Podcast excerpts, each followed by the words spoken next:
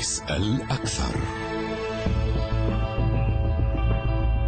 أهلا بكم مشاهدينا الكرام، الجيش يستعد السيطرة على مناطق واسعة غربية شبوة وسط خسائر بشرية ومادية كبيرة في صفوف الحوثيين. إعلان جديد يؤكده المركز الإعلامي للقوات المسلحة اليمنية ويشكل فصلا جديدا في كتاب الحرب اليمنية التي تتسم بالتصعيد يوما بعد يوم. هذا التصعيد يحذر منه مبعوث الأمم المتحدة لليمن هانز جرودنبرغ ويقول أنه قد يفتح فصلا أشد انقساما ودمويا في الحرب التي فجرت أزمة إنسانية حادة. سنسأل أكثر اليوم مشاهدينا عن اليمن كيف يفسر الحوثيون التراجع في شبوة؟ وهل يساهم التقدم العسكري في شبوة في تغيير مسار المعارك في مأرب؟ فلنتابع بداية معنا هذا التقرير السريع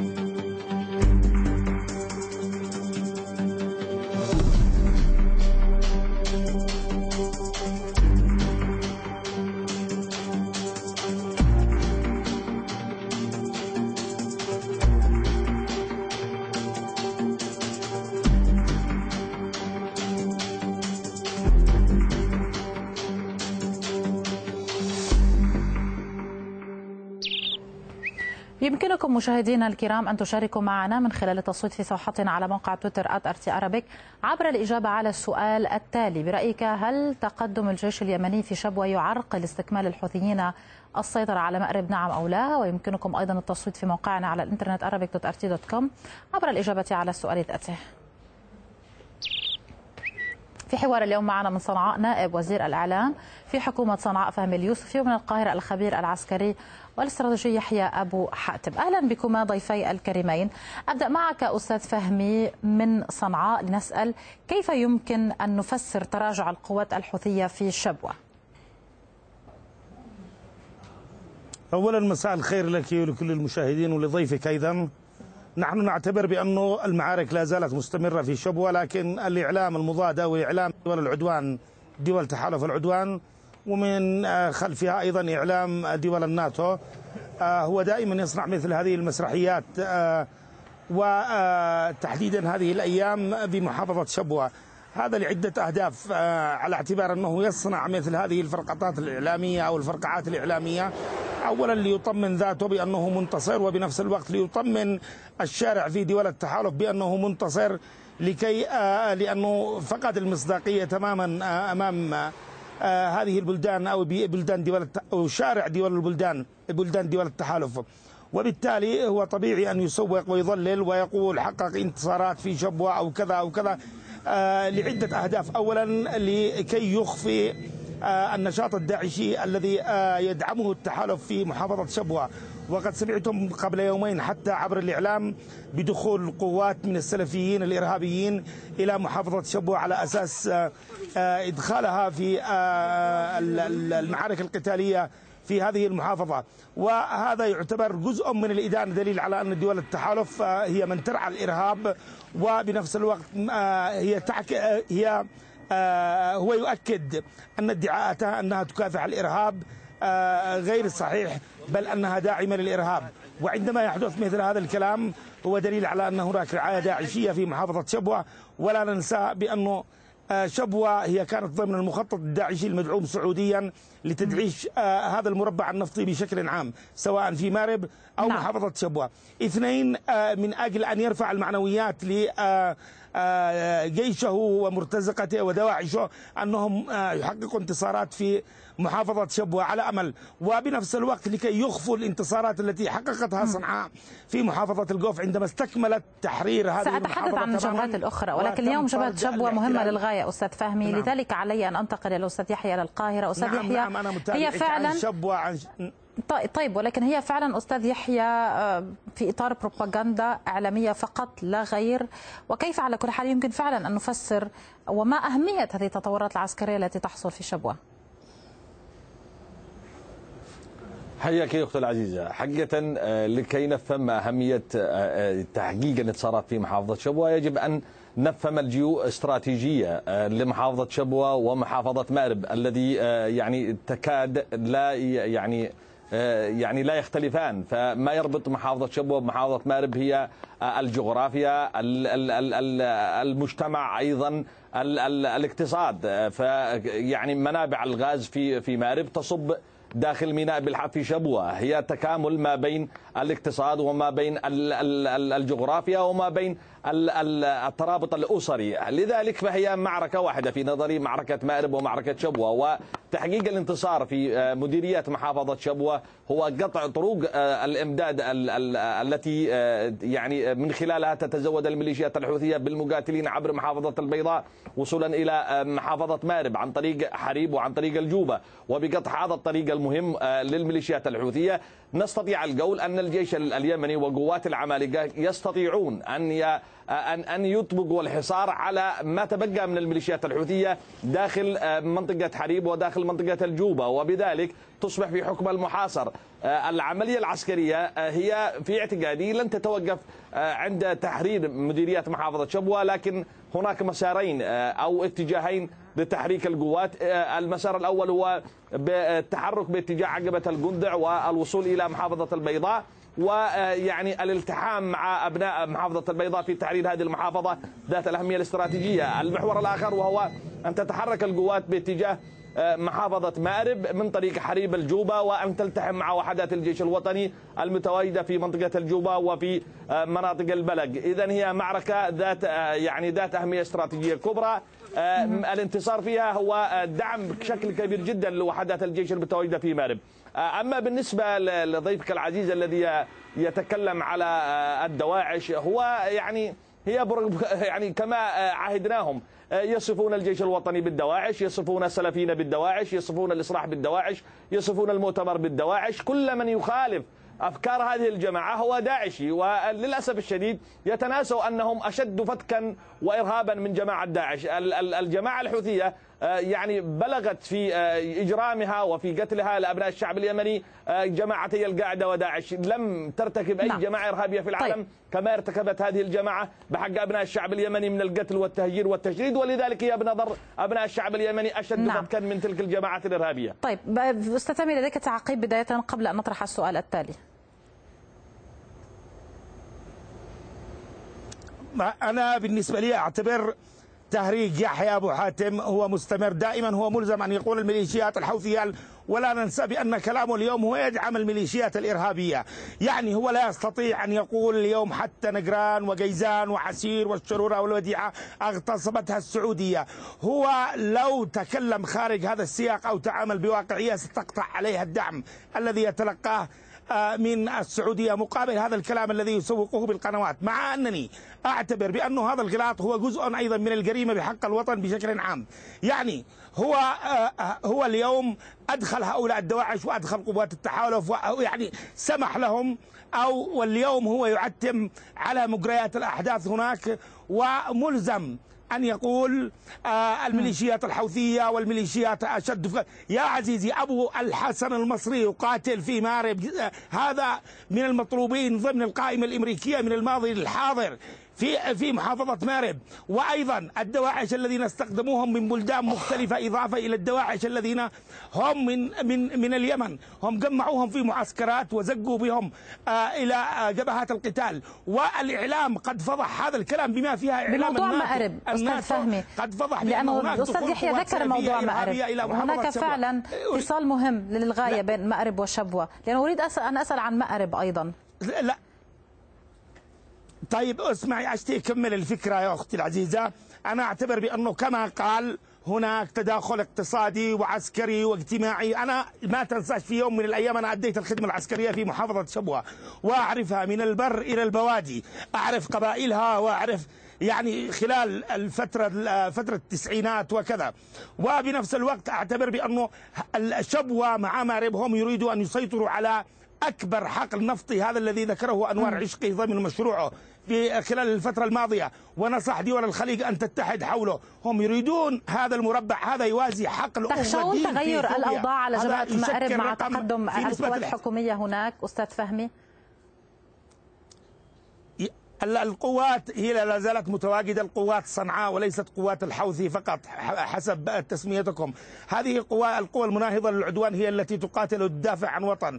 والوضع الميداني مطمن في شبوة أو في مارب أو في كل مكان لكن كما أسلفت هم يصنعون انتصارات وهمية ويأتون حتى بالمحللين سواء آه، المحللين الغير واقعيين الذين يروجون ويضللون لصالح طرف العدوان مقابل كاشموني من أجل صناعة هذه المسلسلات آه، بحيث يطمنوا ذاتهم ويطمنوا أيضا آه، الشارع سواء في السعودية أو في الإمارات. لكن ما هو أخطر الآن من دخول هذه القوات؟ أن دخول ما يسمى السلفيين اليوم بغطاء إماراتي هو دخول إسرائيل إلى نفس المكان. ولا ننسى بأن الشركات معظمها التي وقعت العقود وأبرمتها ما قبل 21 سبتمبر في تلك المربعات هي شركات صهيونية من ألف إلى ياء. يعني هي من تغتصب النفط اليوم في هذا في ذاك المكان. طيب. ودخول القوات ما تسمى نخبة. نخبة هؤلاء هم من آآ آه، آآ من آه، أقدم العملاء لبريطانيا. طيب وضحت الفكرة. والإمارات اليوم ولكن اليوم مع اسرائيل يعني اليوم بموضوع مأرب بموضوع مأرب. هذه الاتهامات واضحة أستاذ فهمي. ولكن بموضوع مأرب أستاذ يحيى هناك حصار نعم. حوثي لمدينة مأرب من عدة جبهات. هل يساهم التقدم العسكري في شبوة هنا بتغيير هذا التوازن على الأرض برأيك؟ كما قلت أختي العزيزة ما ما يميز جبهة شبوة وجبهة مارب التداخل الكبير فيما بين الجغرافيا والقرب من مسرح عمليات الجبهتين سواء جبهة شبوة وجبهه مارب. فكما قلت في السابق أنه حينما تستكمل وحدات الجيش والمقاومة وأيضا قوات العمالقة من تطهير مديريات شبوة فإنها تقطع خطوط الإمداد وتحاصر الميليشيات آه، داخل آه، مديريات محافظة مأرب. مديرية الجوبة ومديرية حريب. ويستطيع الجيش بعدها أن ينتقل في مأرب من الدفاع آه، من التماس المباشر مع العدو إلى الهجوم. وأنا في اعتقادي الميليشيات الحوثية لم تعد قادرة على إدارة المعركة بعد أن تقطع خطوط إمدادها وتصبح محاصرة. ولذلك نقول أنها جبهة واحدة. حينما نتكلم عن جبهة شبوة فنحن نتكلم أيضا عن جبهة مارب. فما يربط الجبهتين كما قلت هي الجغرافيا أيضا الخطة الاستراتيجية لدى الجيش الوطني هو تطويق الميليشيات الحوثية بعد تطهير مديريات شبوة. وأيضا انطلاق في محورين محور للدعم وتعزيز وحدات الجيش في محافظة مارب ومحور آخر وهو المحور الاستراتيجي وهو الاتجاه باتجاه محافظة البيضاء. لكن اسمحي لي أختي العزيزة أنت أعطيتي مساحة لضيفك من صنعاء كثيرا وتكلم بكلام لم أفهمه ولن يفهمه أحد حتى أنت أنا أنا أعتقد أنك لم تفهمي منه شيئا. هذا الكلام حينما يتكلم عن الدواعش وعن البروباغندا الإعلامية وعن وعن وعن وعن هو يعلم علم اليقين أنه حتى هو بشخصه الكريم لم يستطع أن يطلع إلى القناة إلا وقد أخذ توجيهات من محمد علي الحوثي أو أبو علي الحاكم أو من أصغر آه، مشرف لدى الميليشيات الحوثية. هو يعيش في حالة جمع وأنا أعذره وكل اليمين نعذره. نحن نعلم بحالته. ونحن نعلم ما يعيش من من جمع وظلم واستبداد. هو آه، يعني شخص يعني اشتراكي ماركسي لا يؤمن بأفكار الميليشيات الحوثية لكنه مجبر. ولذلك نحن نعذره لن أرد على آه، تلك الكلمات الذي يعني لم أفهمها ولن يفهمها أحد سوى أنه خلط الحابل بالنابل. لكن ما نؤكد عليه أن المعركة هي معركة يمنية والعرب يقفون إلى جانب اليمن ضد إيران التي تتغنى ليل ونهار بأنها تسيطر على العاصمة صنعاء وأنها هي من تدير العمليات العسكرية وأن حسن إرن والهالك كان هو المسؤول والحاكم الرئيسي للميليشيات الحوثية في صنعاء المحتلة. لذلك نحن في أمام معركة آه، كبيرة جدا معركة عربية بامتياز. صحيح الأرض في اليمن والمقاتلين يمنيون لكن هناك دعم عسكري وهناك دعم اقتصادي ودعم إعلامي من كل الدول العربية ضد هذا المد الإيراني الذي يريد أن يلتهم الجزيرة العربية. معركة عربية كبيرة ولكن هي حرب استنزاف أليس كذلك؟ وكل الأطراف تعبت من هذه الحرب. هذا ما تقوله التقارير الأممية. هناك أزمة إنسانية حادة. هذا هو العنوان العريض الذي يصبح الآن مهم وطارئ للغاية في هذه الحرب والمعركة التي تجري في اليمن. أليس كذلك؟ أستاذ فهمي. لذلك نسأل الرد والرد المقابل والرد السريع واستهداف الأراضي السعودية باستمرار. كيف يساعد هذا التصرف الحوثي هنا على إنهاء هذه الأزمة الإنسانية الحادة وإنهاء هذه الحرب؟ يا عزيزتي نريد أن نوجه سؤال أيضا بعين العقل. هل السعودية يحق لها أن تستهدف اليمن؟ هل للسعودية حق أن تغتصب أرض اليمن. هل للسعودية لها الحق الشرعي أن تعتدي وتقتل المدنيين و إلى آخره؟ لا يوجد بند يخول للسعودية هذا العدوان. إذا من حقنا أن نرد وندافع عن ذاتنا. وحددنا بنك الأهداف في العمق السعودي. ومن حقنا أيضا أن نرد فليس عيبا فليس عيبا أن نستهدف المواقع العسكرية في السعودية. على اعتبار أن الرد أن الرد هو جزء أن الرد من قبل صنعاء على السعودية من أجل أن توقف السعودية وبقية دول التحالف. تصعيدها المستمر الذي يستهدف المدنيين. والذي يستهدف الشجر والبشر والحجر ولم تبقي شيء. ارتكبت مجازر بحق بحق الأعراس والمآتم. القصف يطال. المدنيين منذ سبع سنوات وحتى اليوم. إذا من حق صنعاء أن تدافع عن عن شعب اليمن وأن تحرر أيضا ما تبقى من الجسد اليمني الخاضع اليوم للاحتلال السعودي والإماراتي. ومن حقها أيضا أن ترد على العمق السعودي. هي تحاصرنا. ليس من حقها أن تحاصرنا. إذا من حقنا أن نرد عليها.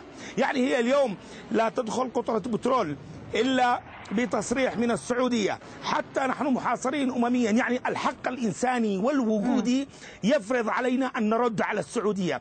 وهي هي ليس لها الحق أيضا آه، أن تعتدي علينا وأن تحتل أرضنا. إذا نحن نخوض معركة تحرر وتحرير للأرض ولكن العام السابع أنت ذكرت المدة أستاذ فهمي هذه الأزمة هذه الحرب تقترب من العام نعم. السابع آه، أستاذ يحيى. وهذه فترة طويلة سنين طويلة من الحرب والدمار آه، وأزمة إنسانية كبيرة للغاية والتقارير الأممية مخيفة أيضا للغاية ومرعبة طيب ما الحل؟ المفاوضات متوقفة والاستهدافات آه، والرد والرد والرد المقابل أيضا يستمر ما هو الحل لهذه الأزمة؟ اولا أختي العزيزة المعركة هي بين آه، الحكومة اليمنية المعترف بها دوليا وبين أبناء الشعب اليمني وبين جماعة بتصنيف المجتمع الدولي جماعة انقلابية إرهابية تسيطر على العاصمة صنعاء بقوة السلاح هناك قرارات دولية ذات صلة تصنف جماعة الحوثي بأن جماعة انقلابية وفي اليمن والمجتمع والإقليم يصنفها كجماعة انقلابية إرهابية. أيضا أختي العزيزة المملكة العربية السعودية والتحالف العربي لم يأتون إلا بطلب من الحكومة الشرعية وهم يساندون عمل الحكومة الشرعية. أما بالنسبة لدور المملكة العربية السعودية فهو دور مميز في خدمة أبناء الشعب اليمني. لا توجد منطقة في أبناء يعني في المناطق اليمنية إلا وهي يد المملكة العربية السعودية موجودة فيها بالخير وبالإعمار وبالتنمية بينما لا يوجد هناك يعني مؤسسة أو مصلحة حكومية أو منطقة توجد آه، بصمات ايران فيها سواء أنها ترسل الألغام والصواريخ والطائرات المسيرة لقتل أبناء الشعب اليمني، هناك فرق ما بين من يمد يد الخير والعطاء ولكن هناك من يأتي ويسأل تصفية الحسابات السعودية الإيرانية على الأرض اليمنية على حساب المواطن اليمني، منطقية وواقعية تبدو برأيك أستاذ يحيى؟ أختي العزيزة كما قلت آه، من من أدخل اليمن في هذه المعمعة هو الانقلاب الحوثي المدعوم من إيران. لم تكن هناك آه، نحن في اليمن لسنا بحاجة إلى هذه الحرب. هناك العشرات من المبادرات التي قدمتها الحكومة اليمنية والتحالف العربي لكنها رفضت من قبل جماعة الحوثي وما زالت إلى هذه اللحظة. مبادرة المملكة العربية السعودية والتحالف العربي مطروحة على الطاولة لكن الجماعة الحوثية ترفض لأنها تتلقى أوامرها من إيران وهي ليست صاحبة قرار. فمن يدير العمل السياسي والعسكري لها هي إيران. لذلك هي المتسببة الرئيسية فيما يجري في اليمن من جوع ومن قتل ومن تشريد ومن تدمير. هي التي آه، نهبت مقدرات الدولة هي التي نهبت احتياطي البنك المركزي هي التي سيطرت على العاصمة صنعاء ونهبت مقدرات الجيش والدولة هي التي شردت آلاف وملايين اليمنيين من منازلهم هي التي اليوم تمارس أبشع الجرائم بحق أبناء الشعب ولكن اليمني. كل التقارير الأممية التي نتحدث عنها تلقي بالمسؤولية على كل الأطراف المتصارعة. أستاذ يحيى كل هذه التقارير التي هي في متناول الجميع تتحدث عن مسؤولية كل الأطراف المشاركة في هذه الحرب. لذلك هنا نسأل أستاذ فهمي ألا تبدو هذه الأزمة الإنسانية طيب تمثل ولو حافز صغير ومبدئي للطرف الآخر لصنعاء لكي فعلا تحاول أن تنهي هذه الحرب وهذه المعركة؟ يا عزيزتي نحن نرغب بإنهاء الحرب لكن ينبغي أن يتوقف العدوان. من يعتدي علينا ليس من أبناء البلد من يعتدي علينا هي السعودية ومن خلفها الأمريكان وإسرائيل. ومشكلتنا ليست إيران. مع أن إيران آه، كنت أتمنى أن تكون حاضرة في المعركة العسكرية والاقتصادية وغيره. على اعتبار من أجل أن يوجد توازن. لكن مشكلتنا إسرائيل وضيفك الكريم هو يدافع عن إسرائيل. نحن نر... نحن نريد أن ننقذ اليمن بشكل عام أرض وإنسان من القتل والدمار من الإبادة الشاملة التي تقودها السعودية. وللأسف الشديد هناك حتى غلاط إعلامي سياسي عسكري يصب نحو خدمة إسرائيل والإمريكان والبريطانيين. أي أن لديهم مطامع في العمق اليمني يريدون أن يحققوها منذ الفترة الماضية وحتى اليوم. لكن كما قال ضيفك الكريم عندما يدعي ويقول جماعات انقلابية لا تنسى بأن عبد رب منصور إذا نظرت للأمور من واقع المبادرة الخليجية التي قدمت في 2011 قد انتهت فترته.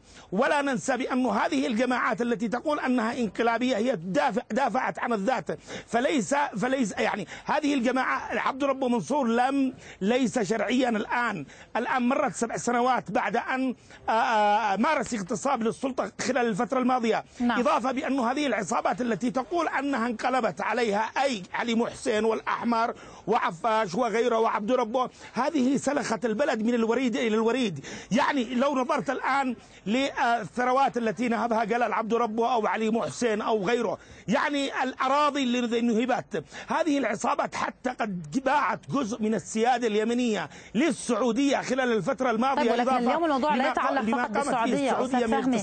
هناك مجلس الأمن الدولي.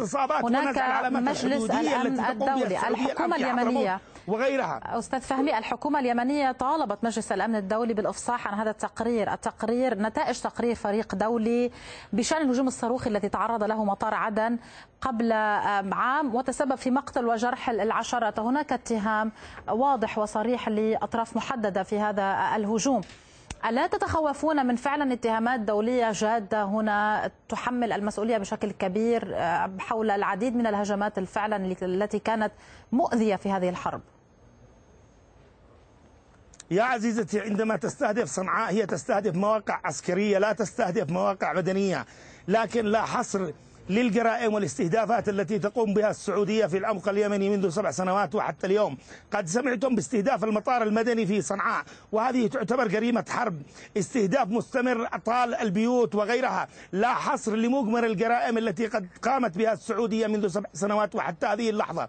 ومن المؤسف أن الدفاع والتأتيم على مثل هذه الجرائم أيضا هو جزء من الجريمة. لا ننسى بأن السعودية هي تستخدم الرشاوى المقننة حتى للهيئات وسماسرة الأمم المتحدة يعني عندما قدمت مليار ونصف المليار على أساس مساعدة لليمن تنموية وتحت إشراف الأمم المتحدة 85% من تلك المساعدات صرفت لمن؟ صرفت لسماسرة الأمم المتحدة على أساس نفقاته 15% لبقية المرتزقة ممن تدفع لهم من أجل أن يصعدوا الإعلام وغيره نعم. ويدافعون عن جرائم السعودية السعودية ليس لها الحق أن تعتدي أو تحاصر اليمن السعودية الآن أصبحت وبقية دول التحالف هي عدوة للإنسانية يعني عندما تحاصر الحصار غير مشروع عندما تمنع الغذاء والدواء وتعرقل سفر المرضى إلى الخارج هي تعتبر محرمة بكل المواثيق طيب الدولية. أستاذ فقط يعني هي لا نحن فقدنا الاتصال مع أستاذ يحيى. لهذه المواثيق. ومن المؤسف الدفاع نحن والتعتيم على الجريمة والغلاف في الإعلام يعود الاتصال بضيفنا من القاهرة. لكن عندما نبرر أستاذ فهمي هل تسمعني؟ وإيران وحسن ايرلو هذا كلام بمعنى هل تسمعنا؟ يطبعون عبر الشاشات الإعلامية مع إسرائيل خصوصا ضيفك الكريم. يبدو أنه أيضا أستاذ فهمي أريد أن أتأكد هل تسمعنا بشكل واضح؟ ألو. هل تسمعنا أستاذ فهمي؟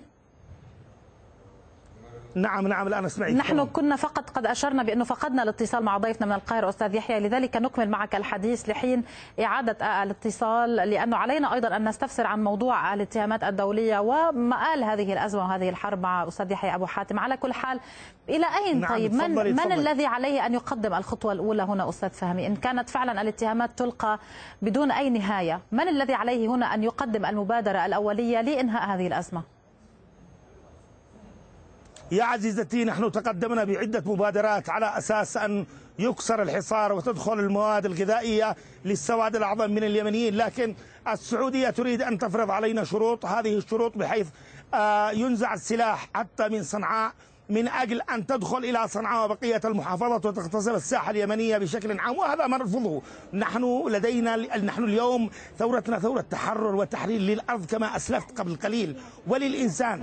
وبالتالي السعودية هي تريد أن تستمر وصايتها على اليمن. فليس من حقها أن تستمر بهذه الوصاية. اليوم نعم. الإرادة الجمعية الثورية للشعب اليمني قد قررت أن لا وصاية على اليمن من آل سعود ومن دول الناتو بشكل عام على رأسها أمريكا وبنفس الوقت نحن نقد... نحن ندرك بأنه كل الاستهدافات اليوم التي تقوم بها السعودية من على اليمن هي من أجل التطبيع مع إسرائيل من أجل أن نسلم جزيرة ميو من أجل أن طيب ولكن تحدث عن إجماع عربي أستاذ يحيى عملية السيطرة على الجزر اليمنية.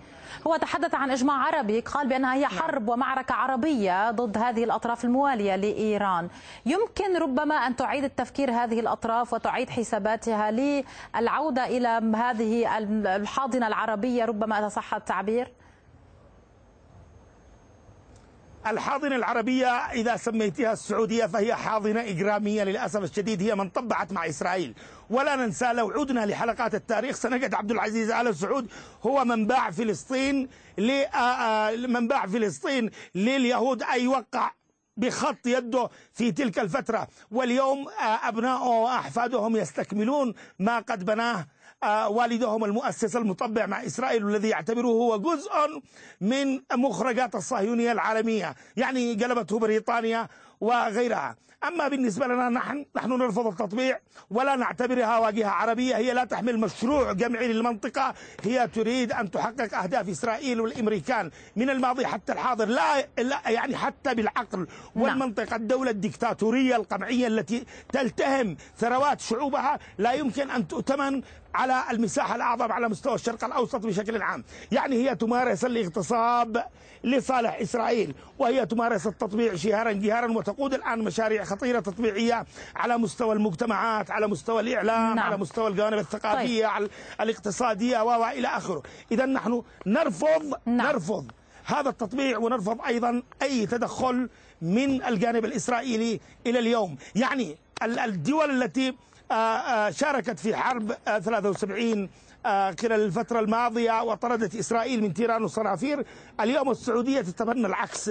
هي تقوم باستهدافات لهذه البلدان كما جرى في السودان وإثيوبيا نعم. والصومال وضحت هذه الفكرة. لأنه علينا أن نعود ونذكر بأنه للأسف نحن فقدنا الاتصال مع الضيف الآخر. كنا نريد أن نطلع على وجهة النظر الأخرى لإشراكها في هذا النقاش معك. ولكن للأسف فقدنا الاتصال بضيفنا من القاهرة. على كل حال شكرا لك أستاذ فهمي وشكر موصول ضيفنا أستاذ يحيى. فلنطلع على نتائج التصويت. على على تويتر علينا نطلع على نتائج تصويت على تويتر السؤال المطروح كان هل تقدم الجيش اليمني في شبوة يعرقل استكمال الحوثيين السيطرة على مأرب؟ 63% قالوا نعم و36% قالوا لا. نذكركم بالاستمرار بالتصويت على السؤال المطروح على موقعنا arabic.rt.com أجدد الشكر لضيفنا من صنعاء نائب وزير الإعلام آه، في حكومة صنعاء فهمي اليوسفي وأيضا كان معنا من القاهرة الخبير العسكري والاستراتيجي يحيى أبو حاتم. والشكر لكم أنتم مشاهدين على حسن المتابعة دائما عبر أرتسي إلى اللقاء.